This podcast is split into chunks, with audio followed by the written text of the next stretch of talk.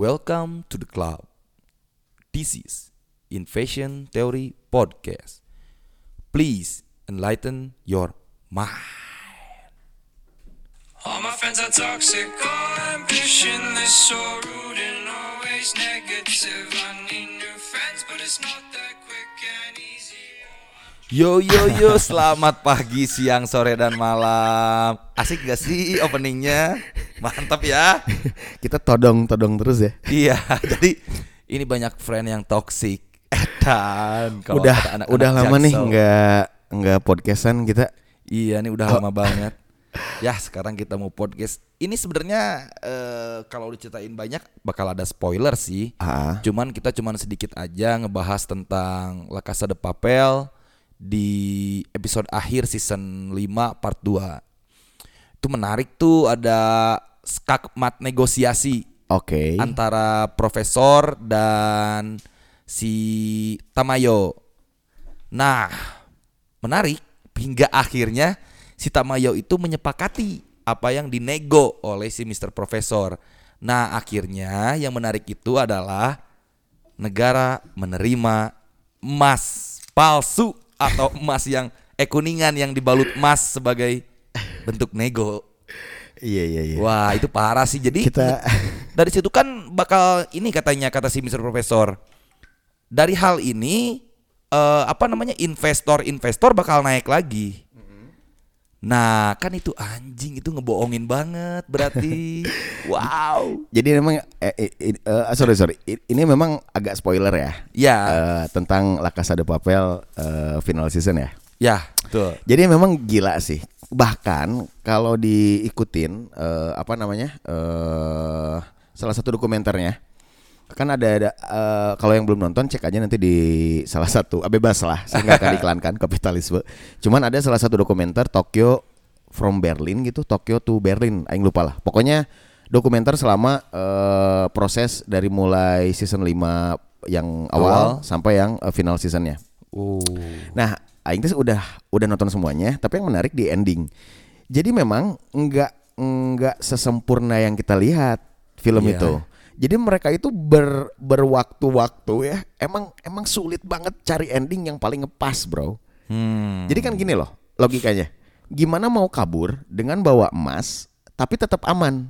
ya, Ah, itu tuh susah. Jadi udah udah konsultasi ke beragam pihak. Ini gimana membuat endingnya jadi kalau tadi bahasa awalnya adalah skakmat proses ya. ya. Itu tuh jadi anjir susah banget. Betul. Sampai satu waktu anjir ketemulah ide tadi untuk eh, apa namanya bikin cadangan emas Spanyol itu dari eh, kuningan. Kuningan. Sehingga eh, negara Spanyolnya tetap aman Iya. ya.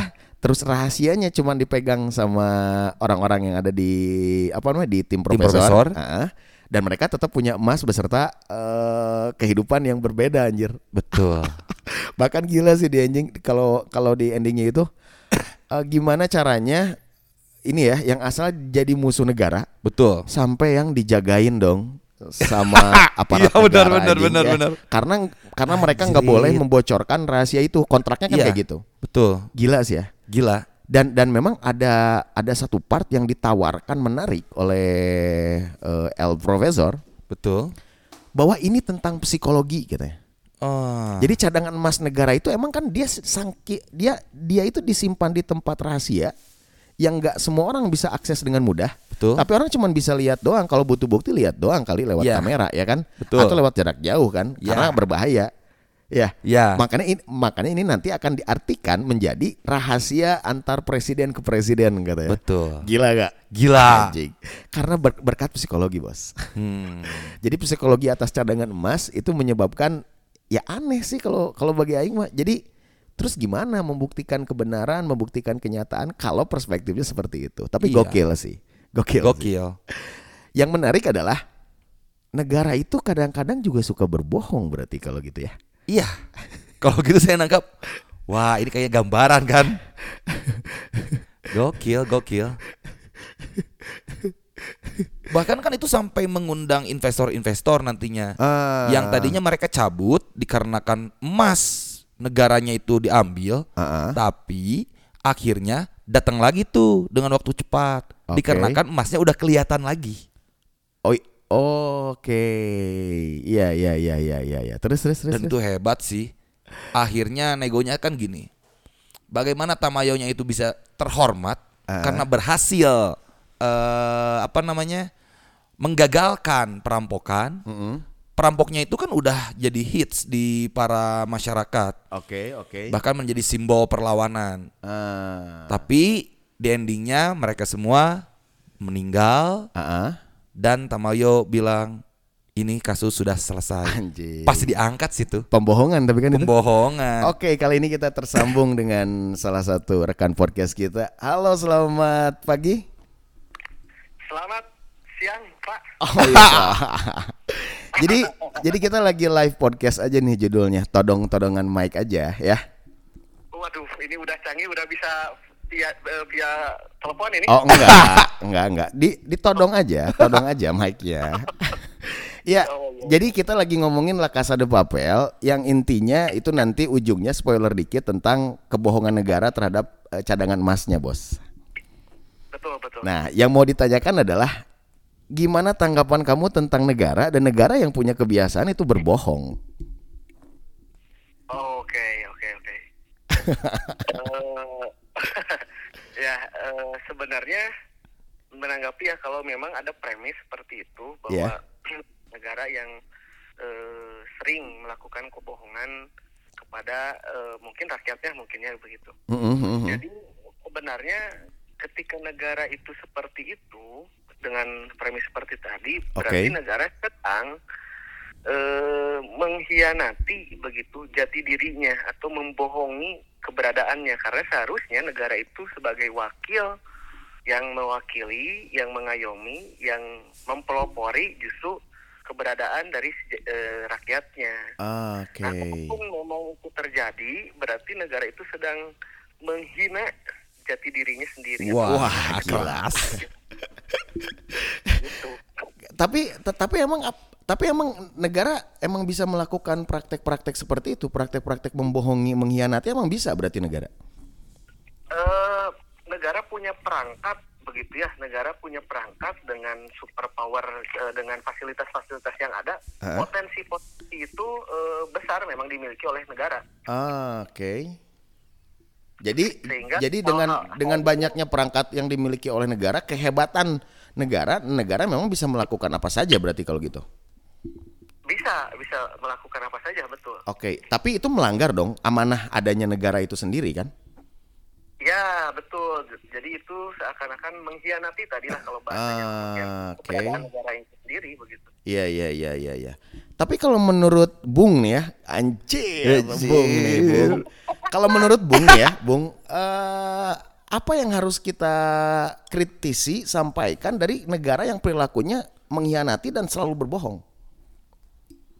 eh kalau misalkan eh, ini kan sebenarnya bersumber hal itu terjadi karena kan negara itu sebenarnya sebuah kendaraan ya Iya. Di mana ada pengendara-pengendaranya begitu. Ah, ah. Negara adalah sebuah wadah di mana ada ada ada ada pihak-pihak yang mewadahi justru kritiknya itu bukan terhadap negaranya kalau menurut saya tapi Ah, ah.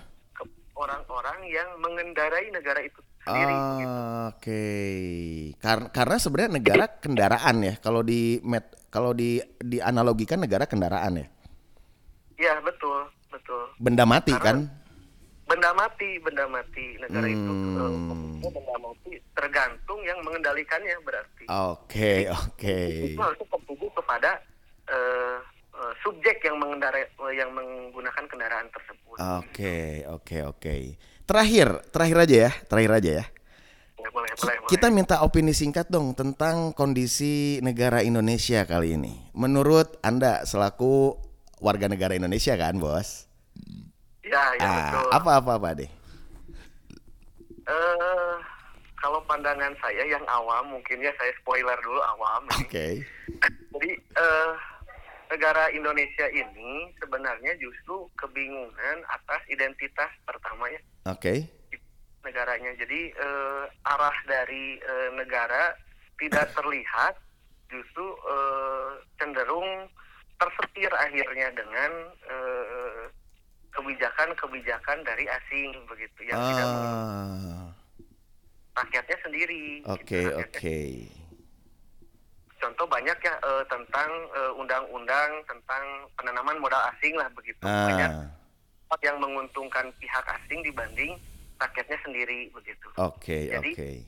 pro terhadap rakyatnya itu justru eh, minim dirasakan mungkin eh, oleh saya eh, pribadi secara sebagai rakyatnya gitu justru banyak menguntungkan pihak-pihak eh, luar begitu Oke, oke, oke. Jadi kebijakan-kebijakannya itu kadang suka bikin rugi sendiri gitu ya? iya rungkad lah kalau bahasa anak Oh sekarang. iya, bahasa rungkad ya. Oke ya, quotes dong terakhir. Kita tutup dengan quotes dari Bung yang satu ini untuk pendengar podcast Invasion nih. Oke, eh, di dalam tiap-tiap diri masyarakat itu mencerminkan tiap apa, wajah negara. Begitu itu yang harus disadari. Sehingga bagaimana ingin menjadikan wajah negara yang bersahabat, wajah negara yang eh, sejatinya menjalankan keberadaan itu negara itu sendiri maka diawali dari setiap masyarakatnya. Oke. eh, quotes ini di akhir ini saya mengajak warga negara untuk sadar berpolitik terkait negaranya sendiri begitu Pak. Wah, gila, gila, gila. Mantap. Ini rekan kita The Econom ini nih. Ya, Bos ya? Oke, thank you so much. Yo, Assalamualaikum. Siap. Waalaikumsalam warahmatullahi wabarakatuh. Gila, gila. Menarik ya, tapi Menarik. Jadi endingnya yang ya ya betul negara itu punya banyak perangkat untuk melakukan banyak hal kan. Iya. Yang yang menarik jika negara itu berbohong ya negara itu kan masalah kendaraan tadi tuh. Iya. Yang jadi pen- yang jadi poinnya adalah siapa yang mau mengendarainya. Betul. Maka maka maka kejelasan negara itu akan ditentukan oleh siapa aja pengendaranya dan bagaimana aja pengendaranya. Menurut lu gimana? Gila sih. Apa tuh yang gila?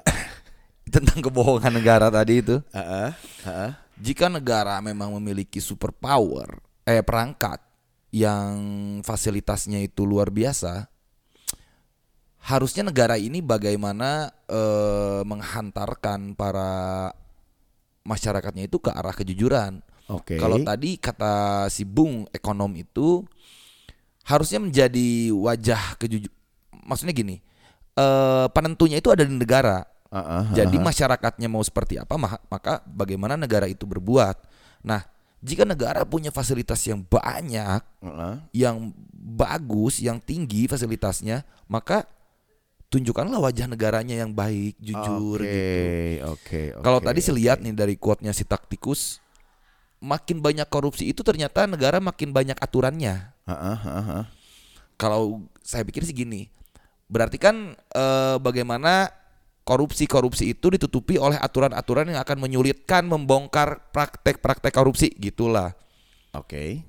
Jadi eh, bagaimana negara eh, yang aturan yang nggak terlalu banyak itu yang sulit untuk korupsi. Ah. Kalau tadi si taktikus. Tapi kalau nggak salah Invasion juga lagi eh, nggak tahu nih. Nanti saat podcast ini di launching ya. Ya, Kalau nggak salah Invasion mau ngeluarin artikel yang mantep tuh. mantap itu artikelnya. Lagi-lagi ya, Gitu bos. Podcaster Yoi. gitu bos. lagi-lagi. apa sih? Apa sih? God and State atau Tuhan dan Negara Ah. by Mi- Mikhail Bakunin. Oke. Jadi Itu ngomongin apa sih? keadilan negara akan digantikan oleh keadilan Tuhan. Maksudnya? Jadi kayak gini, jika manusia memang tidak bisa berlaku adil dalam mengakomodir negara, Mm-mm. kalau tadi bahasanya dalam nyupirin negara, Heeh. maka lambat laun manusia akan sadar karena sampai kepada kebuntuan ternyata manusia itu tidak bisa berlaku adil. Maka ini harus dikembalikan kepada hukum Tuhan. Gitu sih. Maksudnya ya, maksud dari tulisan quotes itu Ah, ah, yang ah. nanti di invasion teori Dan dan itu memang statement yang dikeluarkan oleh Mikhail Bakunin. Oke, oke, Dan oke. bukunya kan God and State. Iya betul betul betul. Jadi kalau jadi kan sebenarnya gini. Intinya kalau manusia nggak becus, Yap. Itu nggak sih? Iya, Ya. betul. maka nanti Tuhan yang akan merealisasikan keadilan kan. Iya. Jadi berarti kan ini hanya berlaku balik lagi ya. Iya. Hanya berlaku kepada yang percaya Tuhan lah. Iya, betul. Kalau yang kalau kalau yang ateis gimana?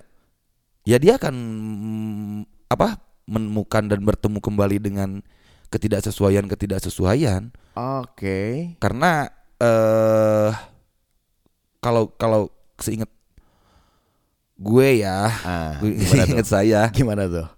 minim sih sosok eh negarawan yang memang membongkar keadilan gitu bukan membongkar maksudnya menjalankan keadilan yang sesuai itu langka banget sih Hmm, Langka banget. Betul, betul, betul, betul. Da, eh, da- dalam artian eh, negara yang bisa konsisten menjalankan keadilan. ya betul itu Oke, kali sorry. ini kali ini kita tersambung lagi nih. oke mantap Oke, ini selamat pagi bos.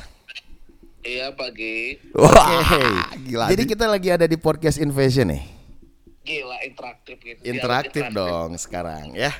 Eh, ki- Siap. kita itu lagi ngebahas awalnya itu tentang La Casa de Papel. Tentang Ya. final seasonnya yang ujungnya aja singkatnya tentang kebohongan negara lah dari sisi eh, psikologi cadangan emas. Oh ilusi ilusi. Ilusi. Wah, udah nonton kayaknya nih, Pak. Udah. wah gila nih mau nanya dong, mau minta tanggapan juga. Gi- apakah emang negara harus seperti itu kelakuannya? Ya harus begitulah negara mah. Oh, dalam artian gimana harus begitu? Eh jadi memang kalau yang pernah saya baca juga tentang negara, memang negara itu harus mendahulukan kepentingan negara di atas kepentingan manusianya. Oke, terus? Eh, jadi karena ada kasus begitu kan yang kalau yang di film itu ya, Iya, iya, iya, iya. sehingga di situ dilihat kepentingan negara. Kalau ilusi ini tetap tidak dijaga, maka negara akan jatuh sehingga ilusi itu terus dipelihara. Oke. Begitu kurang lebih. Tapi kamu setuju nggak? Setuju-setuju aja lah. Bagus. Enggak, enggak. Dalam artian gini. Oke, oke, oke. Eh, demi kepentingan negara, hal-hal itu eh ini berarti dalam kacamata umum berarti. Dalam kacamata film Ya. itu, dalam kacamata film Ya. itu. ya. Oke, oke, oke. Sekarang saya mau mintanya gini. Ganti pertanyaan, Pak. Ya. Kalau di negara Indonesia, Ya. gimana tanggapannya tentang realita yang terjadi? Nah, kayaknya juga banyak ilusi nih. Oh, kayaknya banyak ilusi juga. Wah, mantap Ya, ya. Misal, misal, ilusi. misal gimana? misal apa ya? Aduh, Tentang ini mungkin kalau kalau uh, uh, merasakan nggak ilusi bantuan sosial, ilusi uh, lowongan pekerjaan itu itu juga bagian dari ilusi nggak? oh itu ilusi semua. Jadi tidak ada untuk merata, tidak ada, tidak terjadi ilusi itu ilusi. Oke oke pesan dong buat negara Indonesia. Tolong segera hentikan ilusi ini. Oke siap. Oke oke oke thank you so much. Assalamualaikum. wah Iya iya. Aduh memang memang kayaknya lingkungan kita rebel lah semua. iya ya. ya Kita mau ganti nggak kayak nggak rebel gitu. iya betul sih kita tanyanya yang agak pro gitu ya ke negara Indonesia. Emang- malah minta tolong emang- hentikan ilusi ini oh, oh, eh, kita kita perlu jelaskan juga yang tadi itu eh salah satu apa namanya pemerhati sosial, ya pemerhati sosial ya. Jadi namanya kita eh hide dulu semua ya. iya betul Kita hidden, kita hidden ya. Apalagi bos yang menarik tentang eh, negara, ilusi dan eh, ruang lingkup ya. Banyak sih ya. Maksudnya teh banyak dalam artian ini bisa banyak direnungkan, ini bisa banyak dihayati. Benarkah hari ini yang kita jalani itu adalah ilusi-ilusi gitu kan? Nah karena kita yang di bawah itu nggak tahu yang di atas punya rencana apa, Benar, punya benar, punya benar. kegiatan eh COVID yang pandemi itu ah, apa bukan pandemi eh, social distancing itu arahnya ke mana Heeh, heeh, heeh. terus punya beragam kebijakan RUU Cipta Kerja itu atau sekarang udah jadi UU Cipta Kerja itu arahnya mau ke mana Heeh, heeh. kita yang di bawah itu hanya mengetahui kita menjalankan Oke. kita hidup normal aja namun kita kan perlu transparansi kalau tadi kata si bapak sosial itu kan Hahaha. bilang hentikan ilusi ini kayaknya dia pengen tahu gitu kan ada ilusi apa sih gitu yang sebenarnya terjadi Oke. kita butuh kenyataan Ah, jadi yang real-real aja gitu ya. Nah, yang real-real aja. Kadang juga negara harus diajak sederhana ya, benar nggak? Betul, betul. Oke, kali ini kita tersambung dengan pakar hukum kita nih. Assalamualaikum, Pak. Waalaikumsalam. Jadi kita minta waktunya bentar aja nih wawancara singkat untuk podcast kita. Boleh, Pak? iya, gimana? Jadi kita itu lagi ada sesi podcast ngomongin ending La Casa de Papel tadinya. Oh, iya, iya, iya. yang iya. yang di mana yang di mana negara itu punya eh, karakteristik berbohong, membuat ilusi untuk keamanan. Hmm. Nah, kalau dari sisi hukum gimana itu sebenarnya, Pak? Bisa dibuka di Undang-Undang Nomor 31 Tahun 97. Yes, Oh, Pak, ini sadis. baru nih. Ini terus terus terus. devisa kenegaraan lah gitu. Ah, ah, ah, Jadi intinya kalau secara hukum ya negara nggak boleh melakukan pembohongan. Oke. Jadi dikatakan sebaliknya, kalau itu masuk ke jerat undang-undang teroris itu bisa kena.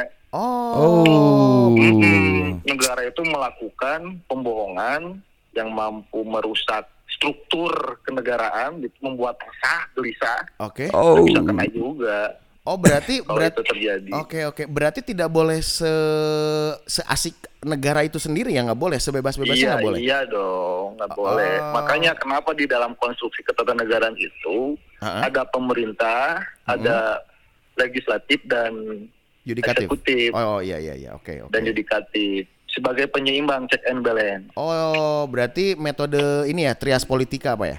Ah, itu kebanyakannya lah. Oke oke oke. Tapi saya minta tanggapannya dong. Kalau negara Indonesia Pak, kira-kira tanggapannya gimana tentang realitas sekarang? Nah, ini memang menarik ya. Jadi kalau bicara Indonesia memang negara yang sangat kompleks gitu. Ah, Jadi kalau bicara sistem ketenagaraannya juga adalah sistem yang kuasi campuran. Jadi nggak jelas ah. wujudnya. Parlementer bukan, presidensial bukan. Jadi bahkan setiap produk hukumnya juga adalah produk hukum produk hukum yang pada akhirnya selalu berbenturan dengan undang-undang yang lain. Oke. Jadi pemborosan sebetulnya Jadi antara antara hulu ke hilir juga kadang-kadang beda ya kebijakannya. beda, hukum aturannya. selalu beda, selalu beda. Nah, kalau lihat negara yang seperti itu, nasehatnya apa Pak buat buat negara yang seperti itu? Taubat pak, Oh tobat, anjir. taubat pak. Jadi tobat, Tobat. tobat dalam artian berubah maksudnya. Iya, taubat kenegaraan berarti. Oh tobat, Tobat kenegaraan. kenegaraan. Oke oke. Kembali kepada hitohnya berarti Pak. Iya betul, kepada kepa- kembali kepada kirtonya. Oke, Kita harus oke. tahu juga kan perspektif sejarah juga. Heeh, Jadi heeh. maksud eh, orang tua dulu itu memperjuangkan itu untuk apa cita-citanya? Nah, kembali ke kita itu aja sih. Oh, sebetulnya. founding father Indonesia ya. Ah, Oke oke oke. Kalau nasihat untuk masyarakat Indonesianya Pak, terakhir. sabar pak. sabar dan kuat. Oh Udah, sabar dan aja. kuat ya. Sabar dalam artian aktif reaktif progresif itu kan Pak? Ah, iya betul dong. Sabar itu tidak diam kan artinya. Kata Ah. yang sangat aktif. Oke oke oke. Wah gila nih terakhir Pak, quotes terakhir dong untuk para pendengar podcast Invasion. Tentang apa ya? Bebas bebas quotes aja Oh, biar bebas. biar Oh, biar yang mendengarkan ya. langsung Oke. tercerahkan gitu. Iya, yang terbaik hari ini adalah setiap kita berkontribusi dan merevolusi. Wow. Ah, keren keren. Gitu aja. Oke terima kasih dari pakar hukum kita. Assalamualaikum. Waalaikumsalam. Mantap sih. Harusnya nggak bisa. Aduh, Mencederai gila ya. Gila memang keren-keren orang-orangnya. Oh, iya iya. Jadi ini buat yang ngedengerin, kamu jangan ketawa doang dan kamu jangan prasangka doang. Iya. Coba coba open minded dong. Betul. Jadi jangan open minded itu diarahkan kepada upaya toleransi kepada budaya barat doang. Nah, Coba kepada budaya teman-teman kamu sendiri juga kamu harus harus kepada apa yang di sekitar kamu ya kamu harus toleran juga lah. Hmm. Kita kadang gak adil juga sih ya. Jadi kita itu dipaksa toleran untuk hal yang sifatnya barat ya, Hmm. posmoliberal ya, dan hal-hal yang yang ada di ruang lingkup itulah. Hmm. Tapi kalau kepada hal yang sifatnya ketimuran kita tuh susah dan kayak nggak boleh gitu. betul. Problem nggak? Problem Problem ya. harusnya beragam beragam hal sih open minded itu. Kita tutup sesi ini dari kamu. Oke. Apa intinya? Intinya eh kita jangan diem aja lah yang di bawah dalam artian masyarakat Ah. kita harus tahu agenda-agenda negara itu apa. Biar kita bisa sama-sama majuin. Kalau nggak maju kan PR. Kita Oke. semua harus sadar. Iya, eh, ending dari saya. Hmm, saya dua aja pendekatannya dari pendekatan kenegaraan dan pendekatan kemasyarakatan. Pendekatan Oke. kemasyarakatan. Kalau dari pendekatan kenegaraannya, yang pertama, eh, kita nggak bisa, eh, eh sorry, eh, negara pada perspektif eh, diadakannya sebuah negara karena Betul. kepentingan masyarakat Iya. yang di dalamnya menyertakan unsur eh, apa namanya unsur kalau tadi berbasis trias politika ya adanya legislasi, adanya legislatif, adanya eksekutif, adanya yudikatif dalam konteks trias politika maka sederhananya aja bagaimana negara menjalankan apa yang dimaksudkan. Iya. Jadi jangan gini dong. Eh buat kamu yang ada di eksekutif, buat kamu ada yang di legislatif dan buat kamu ada yang di yudikatif, maka kamu duduknya itu sebagai negarawan. betul. Jangan jangan pakai dudukan kamu sebagai masyarakatnya juga Nah. kalau di sana. Jadi jadi kadang suka bingung kita masyarakat, kamu itu ngomong sebagai apa? Kamu itu ngomong sebagai mandataris negara, baik di legislatif, yudikatif maupun eksekutif, atau kamu mau berbicara secara perseorangan. Ya. Sedangkan ketika kamu diangkat menjadi bagian kenegaraan, maka kamu nggak bisa bawa urusan-urusan yang sangat personality. Agak sulit. Kenapa? Karena tantangannya pencerdasan yang ada di penglihatan masyarakat. Itu yang Ya. pertama dari sisi kenegaraan. Dari sisi kemasyarakatan, Oke. eh, eh, buat masyarakat ya, eh hidup sederhana aja sih buat masyarakat. Nah. Jadi jangan ngoyo, jangan aneh-aneh, Betul. jangan ngeribetin diri sendiri. Yep. Apa yang ada dalam pikiran kamu dan pilihlah apa yang baik dalam pikiran itu dan lakukanlah apa yang baik itu. Dan apa yang ada dalam pikiran kamu yang benar, maka jalankan juga itu yang menjadi benar. Jangan aneh-aneh. Karena kalau aneh-aneh, nanti kamu bakal bermasalah. Oke. itu aja deh. Siap. Ada ending dari kamu, quotes? Dari Buya Hamka sih. Apa tuh? Kemerdekaan sesuatu negara dapat dijamin teguh berdiri apabila berpangkal pada kemerdekaan jiwa. Ay, kemer- jadi bisa disimpulkan nih, kemerdekaan negara ditentukan oleh Kemerdekaan jiwa. gokil. Gokil. Dari gua thank you. Thank you.